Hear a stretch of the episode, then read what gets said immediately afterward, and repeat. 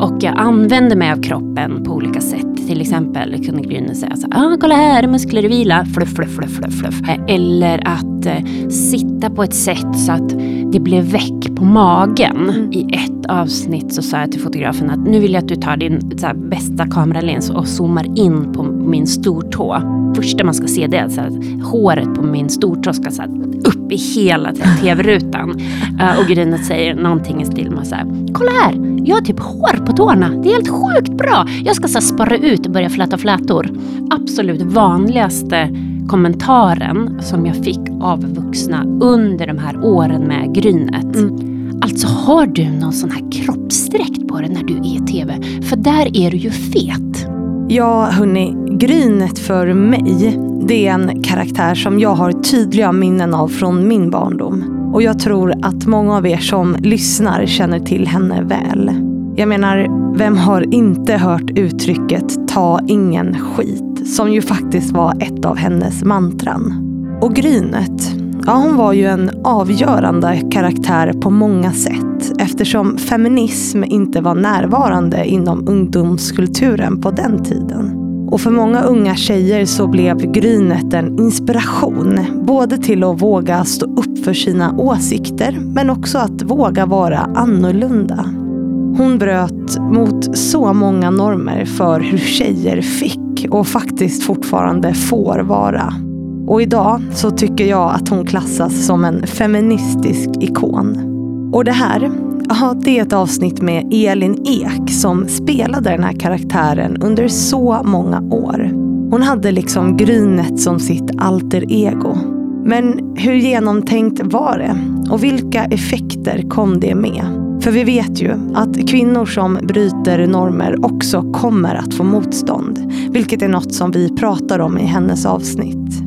Och innan vi drar igång det här avsnittet, ja, då vill jag precis som vanligt tacka min fantastiska sponsor Excitec. De har ju hängt med oss ett tag och kommer fortsätta göra det, vilket jag är superglad för eftersom det gör att jag kan fortsätta producera den här podden. Så tusen tack för det, Excitec. Men nu, kära lyssnare, precis som vanligt. Rätta till lurarna och dra upp volymen.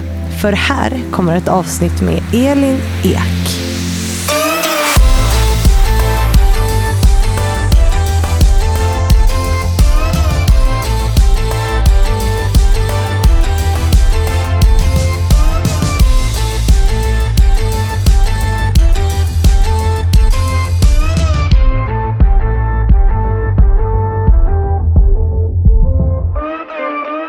Nu pratar jag lite här så ser vi att eh, min mikrofon funkar utmärkt. Om du pratar lite också. Ja, precis. Eh, gick mot strömmen här nere på, till centralen och mötte ja. en stor tågflock. Det var jätteroligt. Ja. Mina barn brukar klaga på att jag glor så på folk. Eh, det gör jag. Jag tycker det är jättekul att titta på folk. Och nu verkligen så höjde jag blicken och skulle titta på alla i ansiktet. Det var jättekul. Och så tänkte jag, åh, ändå att vi är ute ur pandemin så att det får vara så här trångt och flockigt igen. Ja, vad såg du för någonting då? då? Vad observerade du? Uh, kanske att folk blev lite eh, förvånade när, när man fick liksom ögonkontakt. Ja. Så.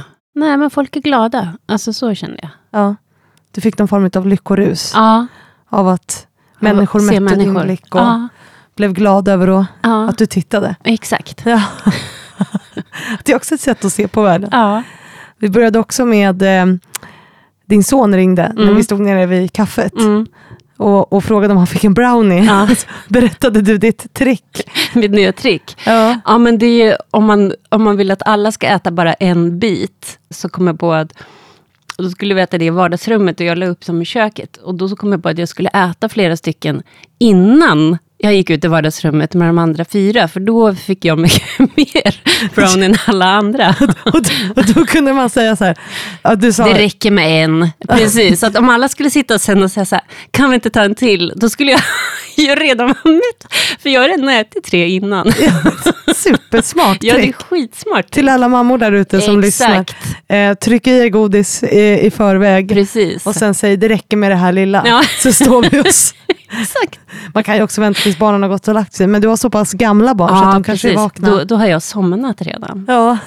Mm. Men det där är ju ett, ett, eh, vad ska man säga, tecken på ditt barnasinne skulle jag säga. Ja, eller? Precis, jag har också, nu ska jag berätta en annan hemlighet då, eftersom de antagligen inte lyssnar på det här. Men det är också att vi Jo, har det gör de nog troligtvis. Vi, vi behåller det här. frys i, ganska nära tvättstugan. Då kan man också ta kakor i frysen medan man står i tvättstugan och håller på med tvätten. Ja, ja, ja. Mm. Ja, det är smart. Det är ingen som märker. Ställ in en För extra... så fort de märker, då, är det så här, då blir det liksom en stor projekt. Då ska alla ha, och sen om det är någon som inte är hemma som får reda på att det äts innan, då, ja, då ska det bli rättvist. Vi får massor med bra mammatrick här. Exakt. Jättebra intro på det här avsnittet tycker jag. Jag tänker det här får vara kvar, det är roligt. Bra tips här att börja. Idag är det söndag, så då, då hinner folk förbereda för helgen, fylla frysen, köpa en Exakt. ny frys till Precis. tvättstugan. Exakt. Ja, eller till kontoret eller vad man nu Mm. tillbringar mest tid. Precis. Där barnen inte är. Men vi säger varmt välkommen till Elin Ek då. Tack. Eller Grynet. Mm. Mm, säger du. Vill du identifiera dig med Grynet fortfarande eller är det? Alltså inte jag som person så. Det var ju en karaktär som jag gjorde men eh, hon har ju betytt så otroligt mycket för så många. Mm. Och det får jag ju otroligt eh, mycket bekräftelse för fortfarande. Mm. Det måste Så att- vara jättehäftigt. Ja det är det. Det är magiskt faktiskt. Det är ju, Grynet går ju till historien som en feminist. Alltså, du har ju kommit upp här i podden flera gånger. Mm. Eh, folk som säger så här, men som Grynet sa, ta ingen skit. Mm. Liksom. Ja. Det har ju blivit en riktig så här slagdänga, eller vad säger man? Nej, det är låtar, men ett uttryck Ja. liksom, Ja. som Grynet myntade. Det är ju superhäftigt. ja, det är det verkligen. Och det var ju liksom redan från, från start så var ju det liksom den feedbacken alltså, som jag fick, eller gensvaret från publiken som jag fortfarande får, är ju någon slags vittnesmål om hur grynet påverkade dem i deras liv. Eh, och det var ju fantastiskt. Och först kom det liksom som brev. Det var ju nästan ingen som hade, nästan ingen hade mail när jag började göra Grynet i slutet på 90-talet. Så. Mm, det var 99 va, tror jag. Så. Ja, exakt. Och då började jag som sidekick i, i ett annat program. Och sen 2000 tror jag fick första Grynets show. Mm. Som, och då skickar man mail till mig genom ett formulär på SVTs hemsida. Så. Men det var inte så många som hade egna. Och sen idag är det ju fortfarande folk som kommer fram. Jag har varit på Bokmässan nu här för några veckor sedan. Och där är det alltid många som kommer fram och pratar om att Grynet var deras feministiska uppvaknande. Mm. Ja, det var det för många. Ja. Du bröt ju otroligt många normer och, och förändrade ju liksom en, en jargong, och, tänker jag, och var väl den första som pratade genus och jämställdhet eller feminism Mm. i tv på Ja. det sättet, eller hur? Mm. Och framförallt gestaltade tror jag. Ja. Och att jag gjorde det i populärkulturen. Mm. och i barn och ungdomskulturen. Och det var väldigt medvetet. Jag kom direkt från en tv-producentutbildning där jag ganska tydligt formulerade att jag ville göra barnprogram med feministisk eh, grundsyn. Mm. Det tror jag står till och med i skolkatalogen om mig. Ja, att det var ditt mål. Liksom. Jag tänker att vi ska, vi ska ju prata om Grynet för det är häftigt. Men jag tänker också att vi ska prata om dig, Elin. Mm. Eh, och alla gäster som kommer hit brukar ju få inleda med att presentera sig själva. Alltså vem man är, var man kommer ifrån.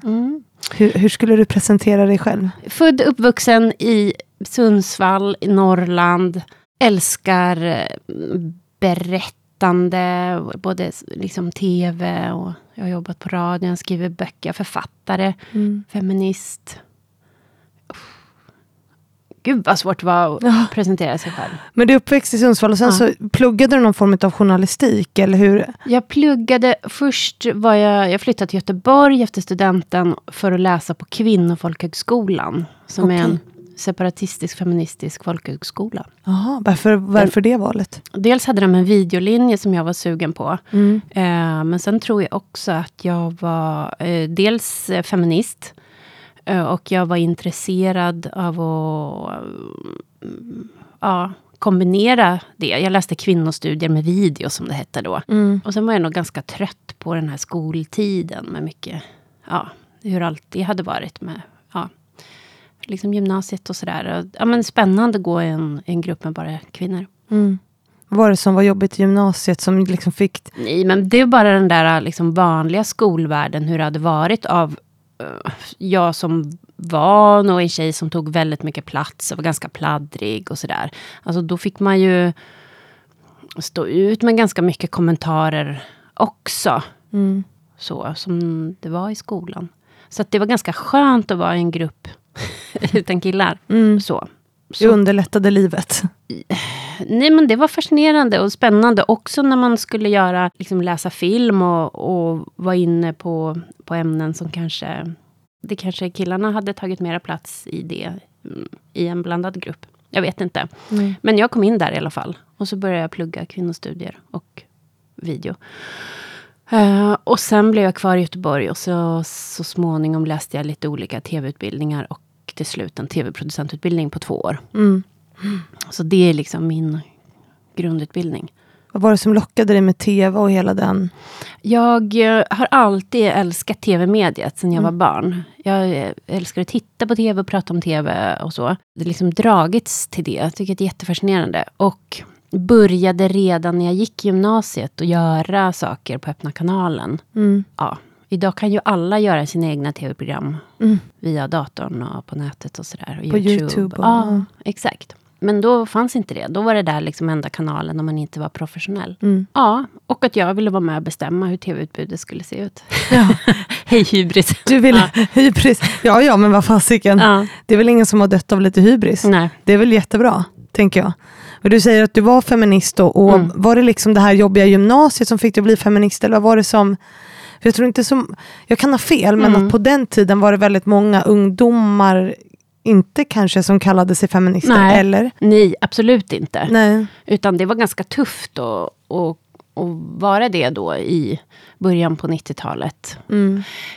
Jag vet inte om det var tuffare då än vad det var idag. Men då var det inte jätte, jättemånga på högstadiet som definierade sig som feminister. Nej. Men jag har alltid haft mycket nära tjejkompisar och eh, vi stöttade varandra i det. Så, Mm. mm. Det var något ni utforskade tillsammans eller? Ja. Och, och liksom kom fram till att vi är feminister. Mm. Var det specifika upplevelser då som gjorde att ni landade i det? Eller? Ni är en sån jobbig Ja. samtalsterapeut. Ja, Jag ska- jag måste tänka efter. ja, det får man. Mm.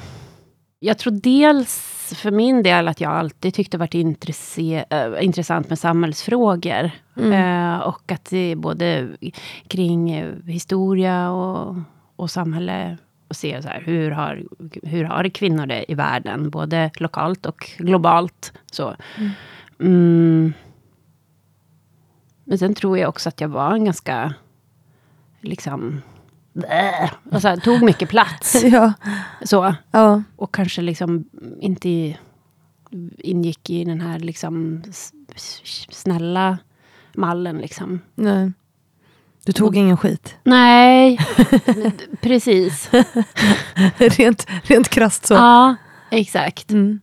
Och sen så när du hade gått klart den här utbildningen då, eh, kvinnor i video eller vad sa, Mm, kvinnostudier och video. kvinnostudier och kvinnostudier, det Mm. finns inte kvar längre. Jag har hört det här uttrycket förut, Mm. finns det kvinnostudier fortfarande? Jag tror inte det, men nu heter det väl kvinnohistoria eller det heter genuskunskap eller eh, ja. det heter någonting annat. ja. Men eh, då hette det det 95. Det är lite som att man typ studerar en art, så här, kvinnor. Ja, Alltså, Jag tror Eller? att det liksom innefattade allting. Ja, men kvinnohistoria och samhälle och ja, på så många olika politik. ja. Och sen kom du ut i arbetslivet, eller vad gjorde du sen när du var Mm. klar? Ja, alltså, ja, sen gick jag min, efter min producentutbildning, eller i den då, och då var jag ju drygt 20. Då fick jag göra min praktik på Sveriges Television i Växjö. Mm. Och under praktiken började jag göra Grynet. Mm. Och, den, och hur kom du på det? För du var tillsammans med någon Maria kollega. Örtengren. Ja, Mm. precis. Jag har namnet här, jag kommer Ja. bara inte ihåg det. Nej, men precis så var det. Ni Eh, började fundera, eller vad var det ni såg som var liksom... Ja, men dels hade hon sett min, mitt liksom, arbetsprov när jag sökte min praktikplats. Mm. Och hon eh, blev nyfiken på att jag hade gjort någon så galen tjej som skuttade runt eh, och, och var lite så aggressiv på våren eller något sånt där. Mm. Och då, ehm, eh, så det tyckte hon att hon tyckte att jag var rolig och lite knasig. Eh, och sen blev vi väldigt goda vänner och då började vi prata om, och vi jobbade ju då mot en, en ungdomsmålgrupp i det här programmet. Mm. Som vi jobbade med, Jupiter heter det. Och prata om hur är det att gå i högstadiet? Vad, vad liksom hade vi delat för upplevelser av att gå i högstadiet? Mm. Och liksom drivkrafter och ja, olika saker. Och då så i det så började vi leka jättemycket. Och jag berättade för henne att när jag har tråkigt hemma, då brukar jag ta på mig en rosa klänning och tiara. Jaha, så varför gör du det? Jag bara, för att allting blir så mycket roligare då. Till exempel tvätta, dammsuga i sina finaste, så här, gå bort högklackat. Allting blir roligare. Hur gammal var du då? 22. Ja. Det är bara intressant. Fortsätt. Ja. Eh, och de här tiaran och rosa klänningarna, de hade jag släpat med mig sen jag var... Ja, alltid liksom. Ja. Alltid haft en sån uppsättning hemma. Det här är också ett till tips till alla. Ja, Ja, städa exakt. i rosa klänning och Ja, tiara. Det roligaste när jag bodde i ett eh, kollektiv en gång i Göteborg. Eller en tant som hyrde ut åtta olika rum till olika studenter. Ja. Och så var det en helg när ingen annan var där. Och det var inget hemligt, men då hade jag tagit på mig mina rå- hela stassen. Så här, satt och kollade på tv en fredagkväll. Och då kom, knackade det på en kille som skulle visa sig att han skulle hyra ett av de här rummen. Och han tyckte väl att jag såg jättespeciell ut. Och jag sa ingenting. Utan jag var så här, "Ja, vill du se var tvättmaskinen finns? Så. Ja. Välkommen ut. Ja, exakt. Välkommen hit Ja. Kollektivet. Ja, men, eh, ja, men det berättade jag för henne. Och det tyckte hon var roligt. Att jag är, liksom alltid har varit lite så luststyrd på, på sådana saker. Mm. Klä ut mig eller så. Och då eh, var det så att det behövdes någon humor i det här programmet vi jobbade med. Och då eh, så föreslog vi, framförallt hon som var redaktör, jag var ju bara praktikant, att vi skulle få göra sketcher med en karaktär som var lite gränslös. Mm. Och då fick vi låna en kamera och så spelade vi in sketcher och så visade vi upp dem och för cheferna och de tyckte det var så dåligt. Ja, oj, vad var det för typ av sketcher ni gjorde då? Det var grynet. Ja, det var grynet. Mm. Mm. Och de fattade ingenting. Nej. Det är ju ingen poäng ju. Kan Nej. man inte halka på ett bananskal? Och vi sa, nej men det roliga är att hon har liksom, eh, hon har jättestark självkänsla och tror på sig själv och, och så här, kolla här på mig, oh, jag kan spela luftgitarr liksom. Mm. Och de tyckte det var jättedåligt. Och så klippte vi om det. Och så tyckte de var jättedåligt. Och så höll vi på så där ett tag. Och sen, samma dag som det var tänkt att det skulle sändas, då hade de fortfarande inte bestämt sig. Nej. Och då sa vi, nu får ni bestämma er, för vi kan inte... Ni måste lita på oss att vi tycker att det här är roligt. Ja, så då sa de, ja ah, okej då. Men det var liksom några skälvande timmar där som det hängde löst. Och så började Grynet få vara med, liksom små, små korta sketcher i det här tv-programmet. Och eh, sen gjorde vi någon tittarundersökning och då tyckte de som såg på programmet att programmet var ganska dåligt. Fast de gillade den här Grynet, den tyckte de var kul. Ah, Ja, och då var nog tack vare den tittarundersökningen också att vi kunde visa att det här var kul. mm. Så sen fick den här kanalen i uppdrag att göra ett videoönskningsprogram. Och då var det någon som kom på att ja, men kanske den där Grynet skulle kunna vara programledare för det. Den där grynet som liksom var ditt alter ego på Ja. något sätt. Ja. Precis. Så då eh, var liksom det här första, då blev det Grynets show. Mm. Och egentligen så var det musikvideos i en hel halvtimme. Alltså ganska mycket musikvideos, väldigt lite Grynet. Men allt eftersom tiden gick så tryckte vi ut en musikvideo. Så till slut var det väl bara två Mm. i varje program, fast det skulle varit fem. Mm. Så, eh, och sen blev det ju en sån enorm succé. Ja. Och hela syftet var väl att spränga normer? Eller liksom att... Eller var det, var, fanns det en grundtanke med det, eller blev det så? Alltså att hon kommer in och är den här självsäkra, som sticker ut, liksom bryter normer. Jag tror att själva tanken var att vi ville göra sånt som vi tyckte var roligt och Ja. skrattade åt. Och i det så handlar det om att få bryta normer. Mm. Och att få vara den där äh, tjejen som är gränslös och pladdrig och tar plats. Och som inte gör det som är förväntat av en. Och i, alltså, det var, alltså flicknormen i slutet på 90-talet var så otroligt eh, liksom begränsad. Nu tycker jag att den är, är friare. Men det var så otroligt begränsat så att det är liksom... Eh, det fanns, fanns ganska mycket att, att spela på. Mm. Och, och det var ju för att jag hade hela den här liksom, grundkunskapen. Som jag också visste vad det var för gränser som jag bröt. Mm. Jag visste att om ba, att bara att jag är i rörelse Mm. hela tiden så bryter jag en norm för hur flickor egentligen har liksom gestaltats under väldigt, väldigt många år. De ska bara sitta still och mysa. Så att, så, ja, men precis. Men bara av att vara eh, liksom, i rörelse, att inte vara passiv, utan vara hela tiden aktiv. Eh, och, och det... eh, Och nu sitter jag och så här gungar här på stolen för att du ska förstå. Alltså att om jag var Gryne så var det som att jag kunde aldrig liksom sitta till, utan hela tiden på språng. Vara liksom aktiv. Att få vara liksom subjektet hela tiden i sitt eget liv. Att vara fysisk utan att vara sexuell. Mm. Vad är skillnaden på det? Jo, att inte vara, att det inte handlar om att behaga eller att se eh, ut på ett visst sätt, utan att få jobba med kroppen eh, på ett roligt sätt. Och, och eh, att liksom ta plats i hela rutan, att vara, vara jättenära kameran. För att så. Och jag använder mig av kroppen på olika sätt. Till exempel kunde Gryne säga så här, ah, kolla här, muskler i vila, fluff, fluff, fluff, fluff, fluff. Och så, så här, skoja med så här, arm. Gäddhäng, ja. Ja. precis. Att man har mjuka armar. Eller att eh, sitta på ett sätt så att det blir väck på magen. Så att de syns. För att det blir så när man sitter. Eller att eh, i ett avsnitt så sa jag till fotografen att nu vill jag att du tar din här, bästa kameralins och zoomar in på min stortå. Så att så fort efter vignetten, alla här stor, som stora tv-apparater, det första man ska se det är så här, håret på min stortå ska så här, upp i hela tv-rutan. Eh, och Grynet säger någonting i stil med så här, kolla här, jag har typ hår på tårna, det är helt sjukt bra. Jag ska så här, spara ut och börja fläta flätor. Eh, och att få ha Nu den... går du in i karaktären. Ja, Jag älskar precis. Ja, men att, den, att få ha den ansatsen till kroppen. Mm. Men det var också jätteintressant för den absolut vanligaste kommentaren som jag fick av vuxna under de här åren med Grynet. Mm. Det var att de kom fram till mig på, ja, men, på gatan eller en butik eller så. Och så ville de så här, var, de var jätteglada. Och så sa de så här, åh, alltså. Vi sitter och tittar hela familjen. Och det är så roligt att se och det är så fantastiskt. Och så. Men jag måste bara fråga dig.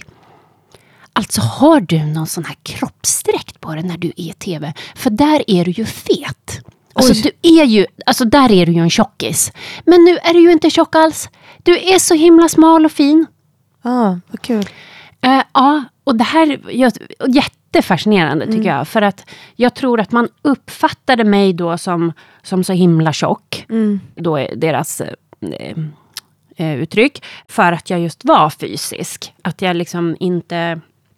Jag menar att jag jobbade med kroppen. Eh, men den här kommentaren kom ju bara från vuxna och aldrig från barn.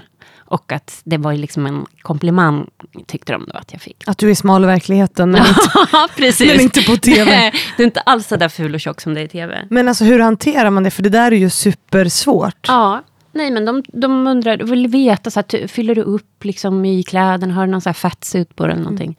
Nej, så jag, jag har samma kropp hela tiden.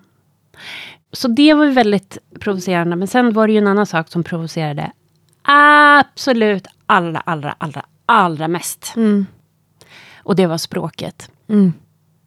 Ja, Det- du. Ja, just det. Alltså, det, alltså folk var ju galna på hur Grynet pratade. Jag vet inte hur många anmälningar jag fick till granskningsnämnden. Men det handlade ju också om hur språket var. Och det var också jättefascinerande. För jag, jag kunde ju då se, om jag tittar på så manliga karaktärer som var ungefär samtidigt, som till exempel Markoolio. Så var det så här att om jag eh, blev anmäld för att jag sa, det man sa då var att jag svor hela tiden. Och Grynet sa ju att saker och ting var skitbra eller skitdåligt eller helt sjukt bra. Eh, men jag använde aldrig de vanligaste svordomarna. Jag sa aldrig fan, helvete, satan, jävlar. Jag har aldrig sagt det. Eh, och, eh, och en sån som Markoolio kunde svära ganska mycket. Men jag aldrig, kunde aldrig under den här perioden se att han blev kritiserad för sitt språk. Medan det var någonting som var som ett rött skynke eh, kring Grynet. Att det var så förskräckligt hur Grynet pratade. Och det var för att du var kvinna, antagligen. Ja, det tror jag. Absolut. Mm. Att man bedömde dig mycket hårdare. Mm, ja, att det inte ingick i liksom flicknormen. Nej. Man fick inte vara så här, bara, "Åh, kolla det är helt sjukt bra. Mm. Och jag tänker att, nu kanske, det kanske inte är så, men, men just det här att bryta normer, så här, det kommer ju ofta till ett pris på något sätt, framförallt för kvinnor. Mm. Eh, och går vi till utrikesfödda kvinnor ännu längre så kommer det till Mm. ännu högre pris att Mm. bryta normer. Eh, vad, vad har det kommit till för pris för dig att göra det? För du har ju gjort det också i ett offentligt rum, tänker Mm, jag. Mm. Dels så fanns det ju ett, eh, vad ska man säga, ett sorts hat skulle jag säga. Och det här var ju innan sociala medier och så, men det bedrevs ju, skulle jag eh, nu kanske jag var känslig, men jag tyckte att det bedrevs en kampanj av manliga skribenter, liksom journalister. Och på den här tiden så var de väldigt Ja, men de hade väldigt stor betydelse för tv-branschen. När Fredrik Virtanen hade sin ut och innelista i Aftonbladet, då var det någonting som han publicerade varje fredag. Då var det någonting som, som tv-cheferna läste och eh, ville gärna kopiera upp om någon profil var på innelistan. Eh, och jag var ju konstant på Fredrik Virtanens utelista. Så. Eh, och så här i backspegeln är det ganska intressant. Men eh, då var han en makthavare. Det var ju också andra tv-recensenter som skrev ganska äckliga saker om Grynet. Att hon var psykiskt sjuk och eh, liksom mentalt efterbliven och eh, skrev att eh, ja, Grynet eh, var anledning till att unga tjejer skär sig i armarna. Liksom. Nu är det hon vidrig igen. Liksom. Och att man fick göra det i DN, Aftonbladet och Expressen. Och sådär. Sen hade jag ju folk som, som gillade Grynet också. Men det där tycker jag var ganska sunkigt faktiskt.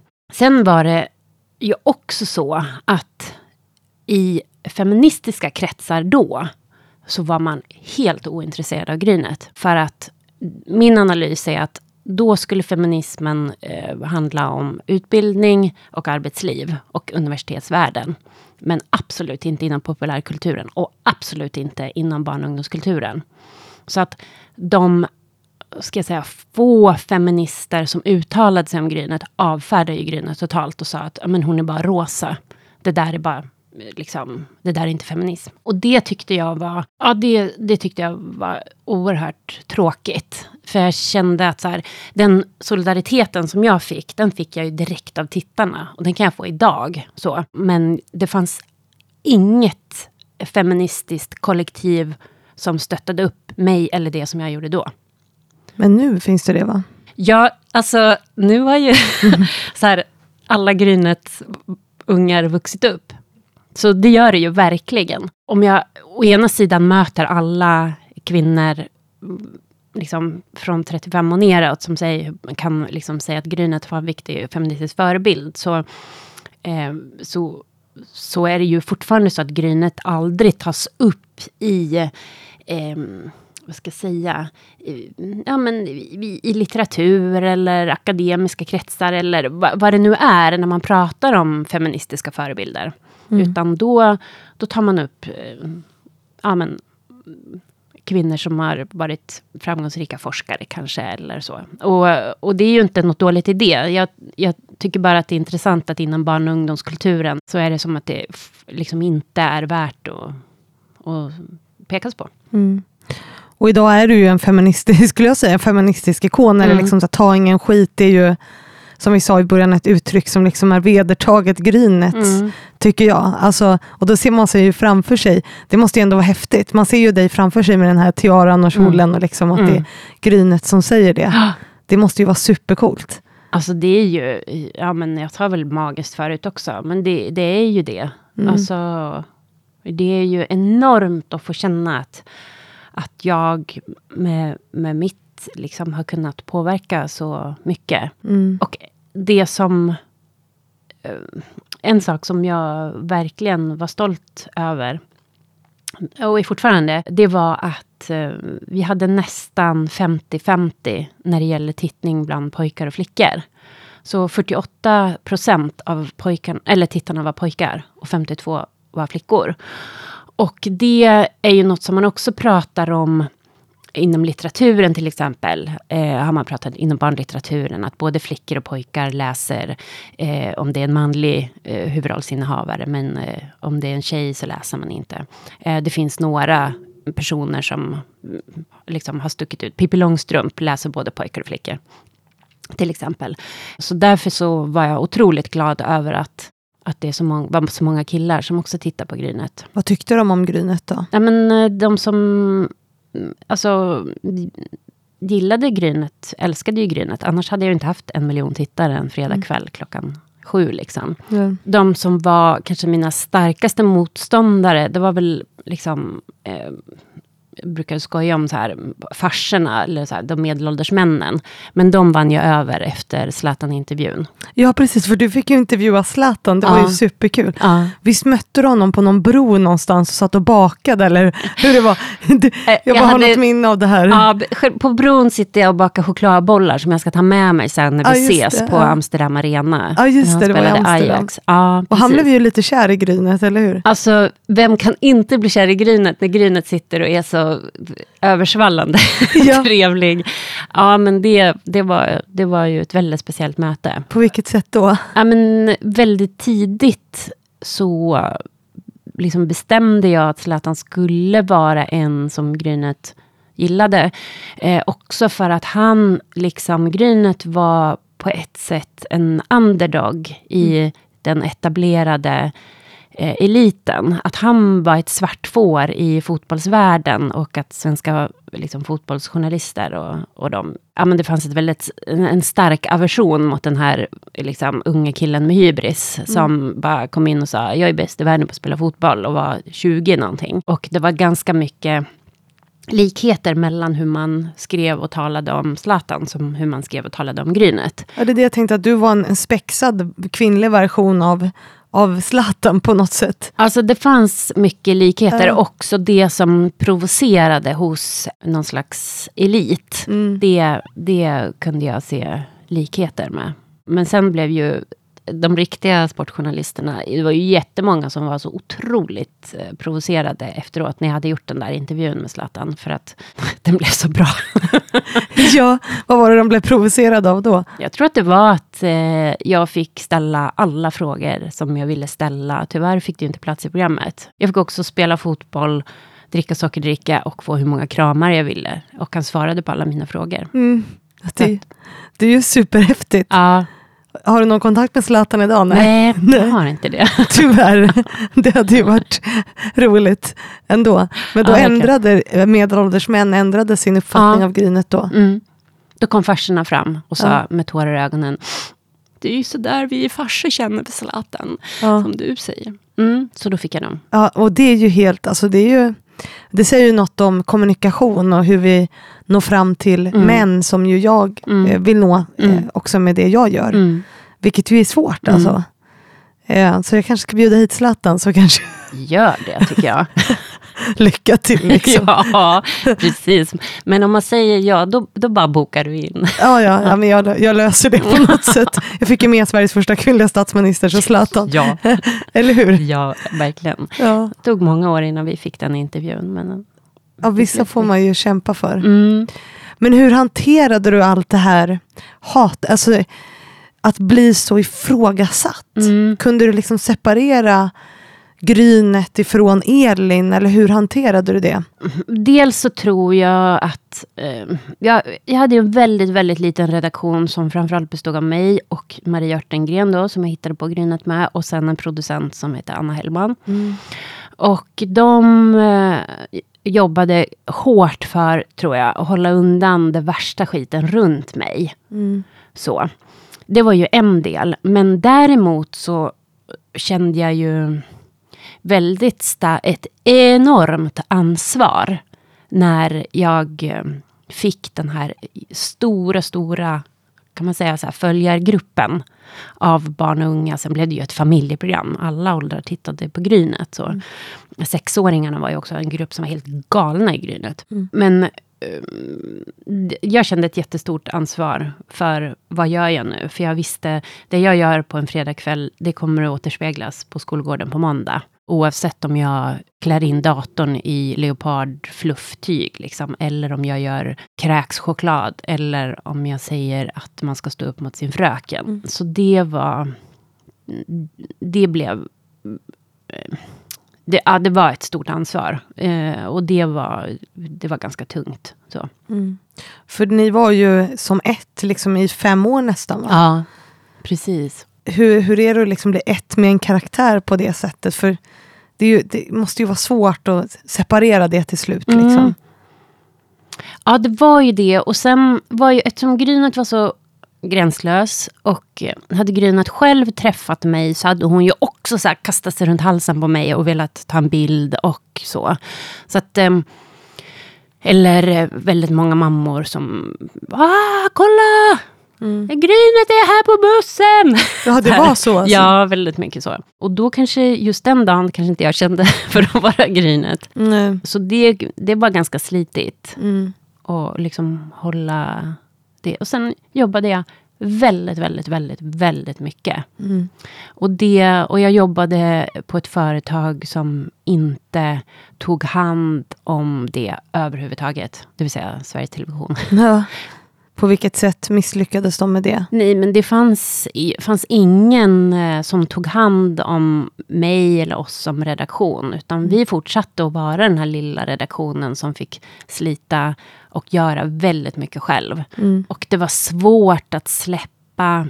Om jag, om jag skulle göra ett pyssel och hade liksom behövde ett limstift så kanske det var någon som plockade fram en limpistol. Och nu har ju varenda unge en limpistol, men då hade man inte det. Utan då var det liksom inte tillgängligt. Utan för mig var det viktigt att ska, ska, nu ska vi göra ett pyssel som alla ska kunna göra. Mm. Du ska kunna så här, låna en limstift i skolan om du inte har råd med ett eget. Mm. Så. Och det var, det var liksom ganska slitigt och, och va- behöva vara inne i alla delar hela tiden. Mm. Att vara den som nästan syr sina egna kläder. Eller mm, ja, men är med i, i liksom alla processer. Att inte kunna så släppa till att det finns ett team, ett stort team runt om. Att det finns en som är scenograf och en som är rekvisitör eller en som är kostymör eller något sånt. Utan att vi, vi fick eh, liksom inte större resurser utan det fortsatte att vara vår lilla miniredaktion. Fast ni var sjukt stora. Ja, Alltså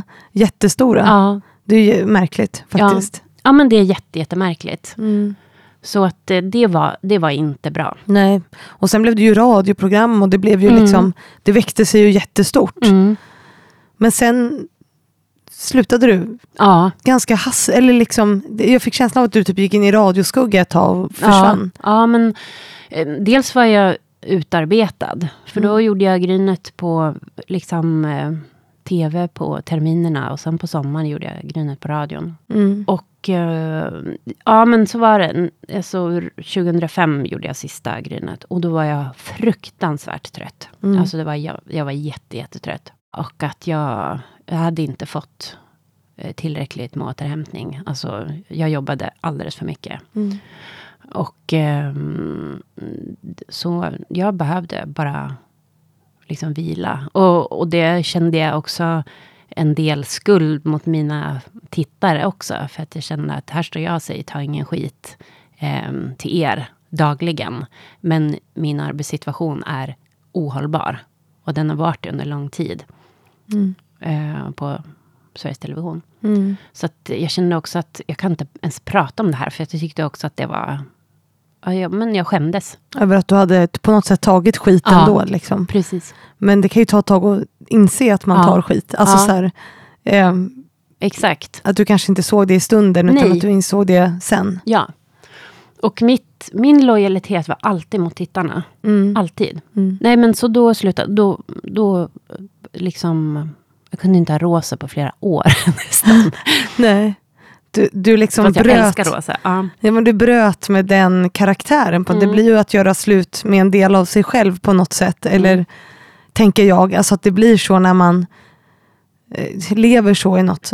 Som, som jag känner att jag är Fannys förebilder Mm. till exempel. Alltså det blir ju en väldigt Mm. stor del av, av mig och vem jag är Mm. på något sätt. När Mm. man liksom är så passionerad för något och har en, en dedikation till något som du hade till dina tittare, Mm. eh, som jag har till mina lyssnare. Alltså, Mm. Skulle jag sluta med det, då får man ju typ en identitetskris. Mm. Eller hur var det för dig? Alltså jag kan bara tänka mig. Ehm, ja, Ehm, ja men så var det ju. eh, på många sätt. Jag, ehm, dels var jag ju...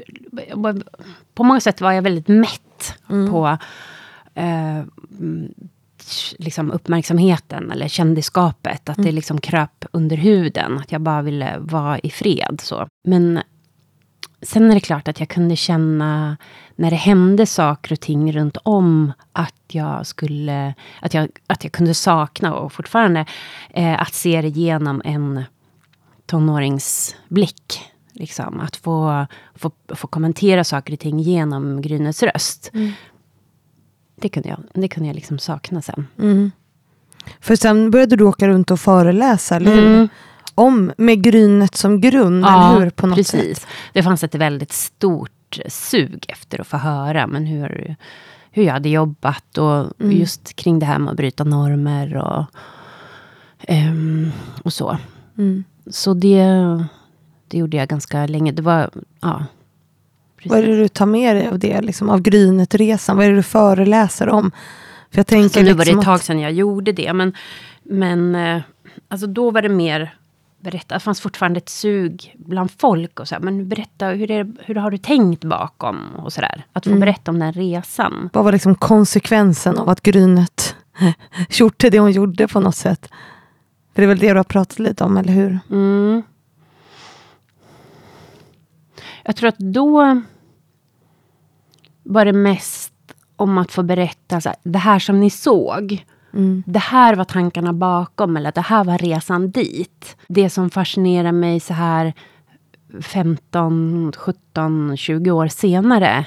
Det är ju att det inte har eh, liksom kommit någon efter. Och vad beror det på? Varför finns det ingen Grynet för mina barn? Nej. Och det mm, tror jag är för att det är ganska tufft att eh, vara normbrytande. Och det är... em, ja, det är det. Mm. Att våga vara där Ja, och våga bryta normerna. Ja, det är ju superläskigt. Ja. Alltså, nu gör inte jag det på tv, men försöker göra det i sociala medier och det är ju klart att det är supertufft att Mm. våga sticka ut hakan och, Mm. och sätta fingret på saker som skaver. Liksom. Mm. För det kommer ju med, med konsekvenser och Mm. ibland med hat och liksom Mm. sådär. precis. Att man är rädd för det. Ja. Mm. Mm, men också att som kvinna våga vara så kallat ful. Alltså det, det tyckte jag också att om, om jag tog mm, pressbilder och hade, vi hade en karta med 200 bilder så kunde jag direkt peka ut vilka tre som, som var grynet. Och det var när jag gjorde liksom så här, när vi ser dig då, med någon sån här grimas eller någon sån här fuck you-fingrar eller så. Ja. Liksom står och spänner ögonen i någon. Och då var det ju runt omkring då på tv-huset sa, men de där kan du inte ha, liksom, den där, du, usch, du är jätteful på de där bilderna. Och att, att ständigt behöva förklara så här, jag är inte ful, jag är stark, jag är arg, jag tar plats, jag är rolig Mm. på de här bilderna. Du är rolig för att vara tjej, har du hört uttrycket? Eller rolig för att vara kvinna. Ja. Det, det har man ju hört. Ja. Liksom. Jo, och det... Nu skriver ju jag böcker sedan några år tillbaka. Mm. Och har en karaktär som är i Grynet-andan. och Hon heter Athena. Mm.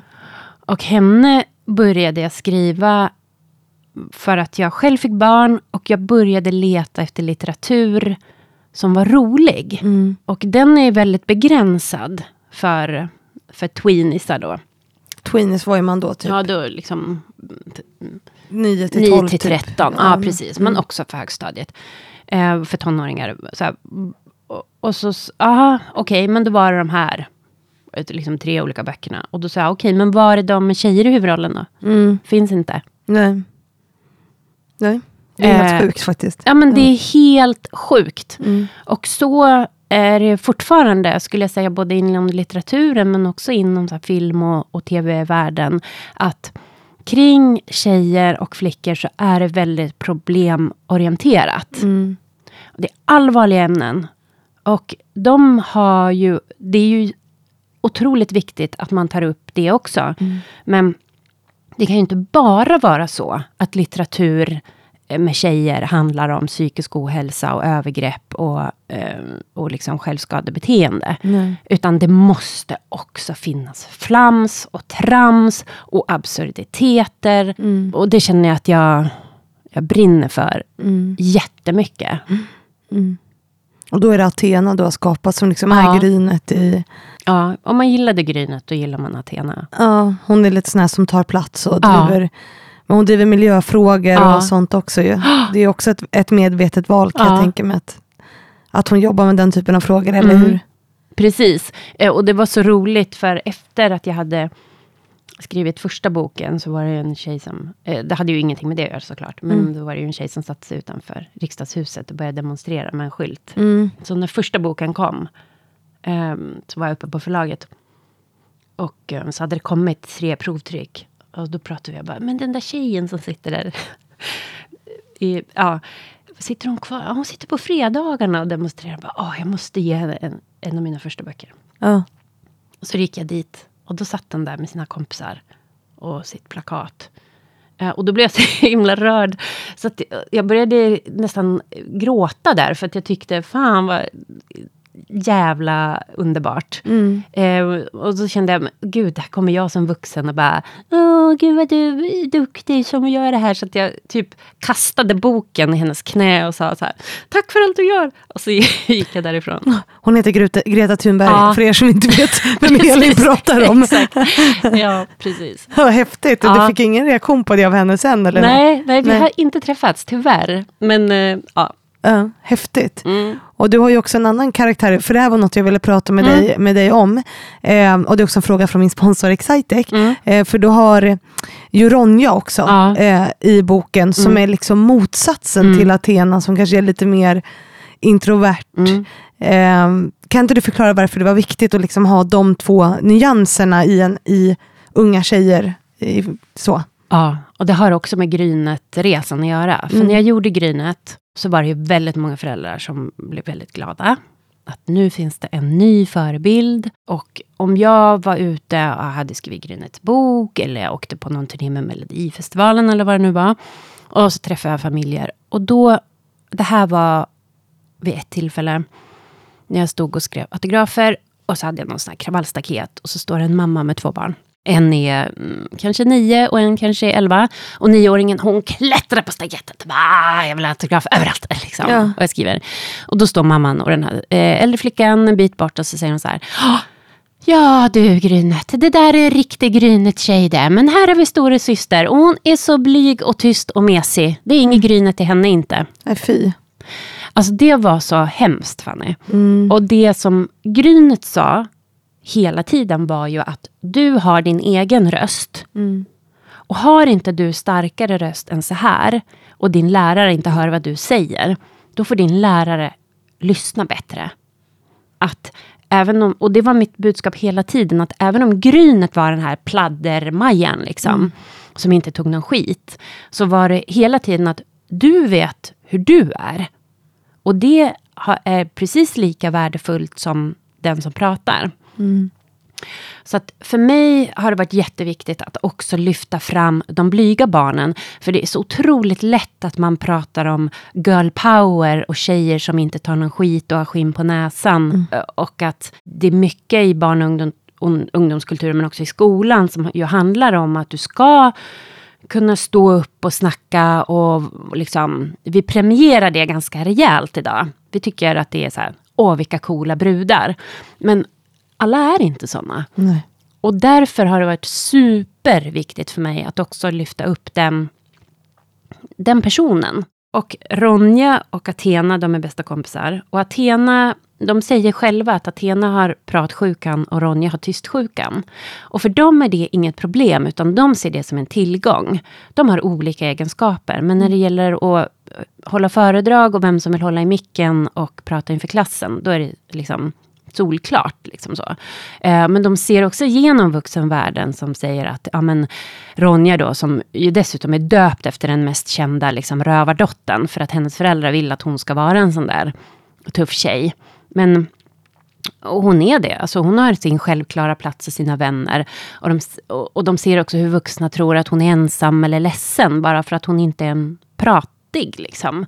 Men det är hon inte. Utan hon, bara hon är med sina kompisar så pratar hon hur mycket som helst. Men hon är, gillar inte att snacka med folk som hon inte känner. Nej. Eller i stora grupper. Så det, det är väldigt medvetet från mitt håll. Uh, att hon, hon också ska synliggöras. Mm.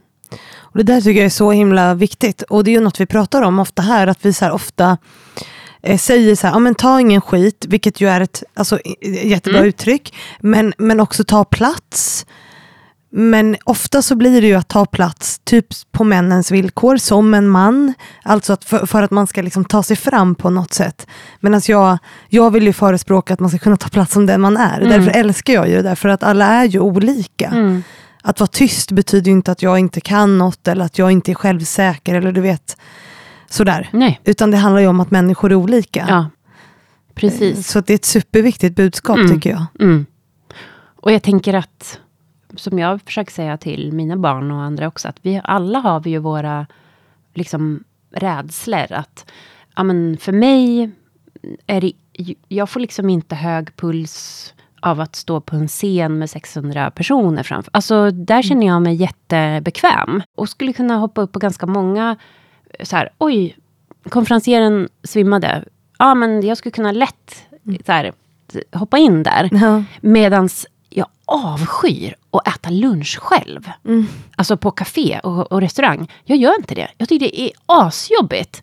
Så att eh, jag tänker att vi alla har våra så här hang-ups på vad är våran alltså våra rädslor kan se så himla olika ut. Mm.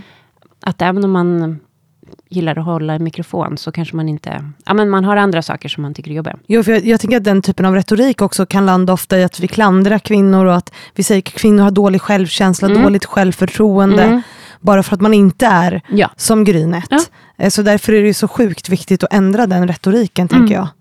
jag. Eh, så tack för det. Alltså, enormt viktigt. Mm. Och de här böckerna, du har släppt flera stycken av de här mm. böckerna va? Fem böcker finns det och jag ja. precis på att ska skriva den sjätte. Mm. Så att, eh, och de går jättebra, så det är väldigt, väldigt roligt. Men är, är det både flickor och pojkar som läser dem? Mm, jag tror det. Men jag tror att det är främst tjejer. Mm. Och det är också för att de som köper böckerna är väldigt eh, eh, stereotypa kring om det är tjejböcker eller killböcker. Mm. Det är otroligt stereotypt. Jag har en systerdotter som är 14 och en systerson som är, är han 11 nu? Ja, eh, men hon kanske är för gammal. Men han kanske borde läsa de där böckerna. Ja. Alltså, jag har också skrivit dem lite som en familjebok. Så det mm. finns ganska mycket saker som är en blinkning till föräldrarna. Så mm. att, eh, jag, jag tror att det är den perfekta, tänker jag. Mm alla lyssnar på i bilen på väg till Sommarstugan bok. Mm.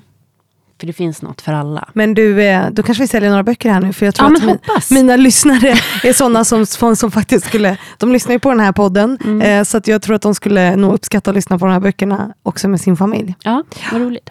Och vi eh, är klara nu. Vad kul. Vad roligt det var Fanny att få prata om hela den här resan. Det var ja. ett tag sedan sist. Hur känns det? Känns det bra? Känns det som att vi har missat något? Jag är supernöjd. Ja, nej jag tycker att det är...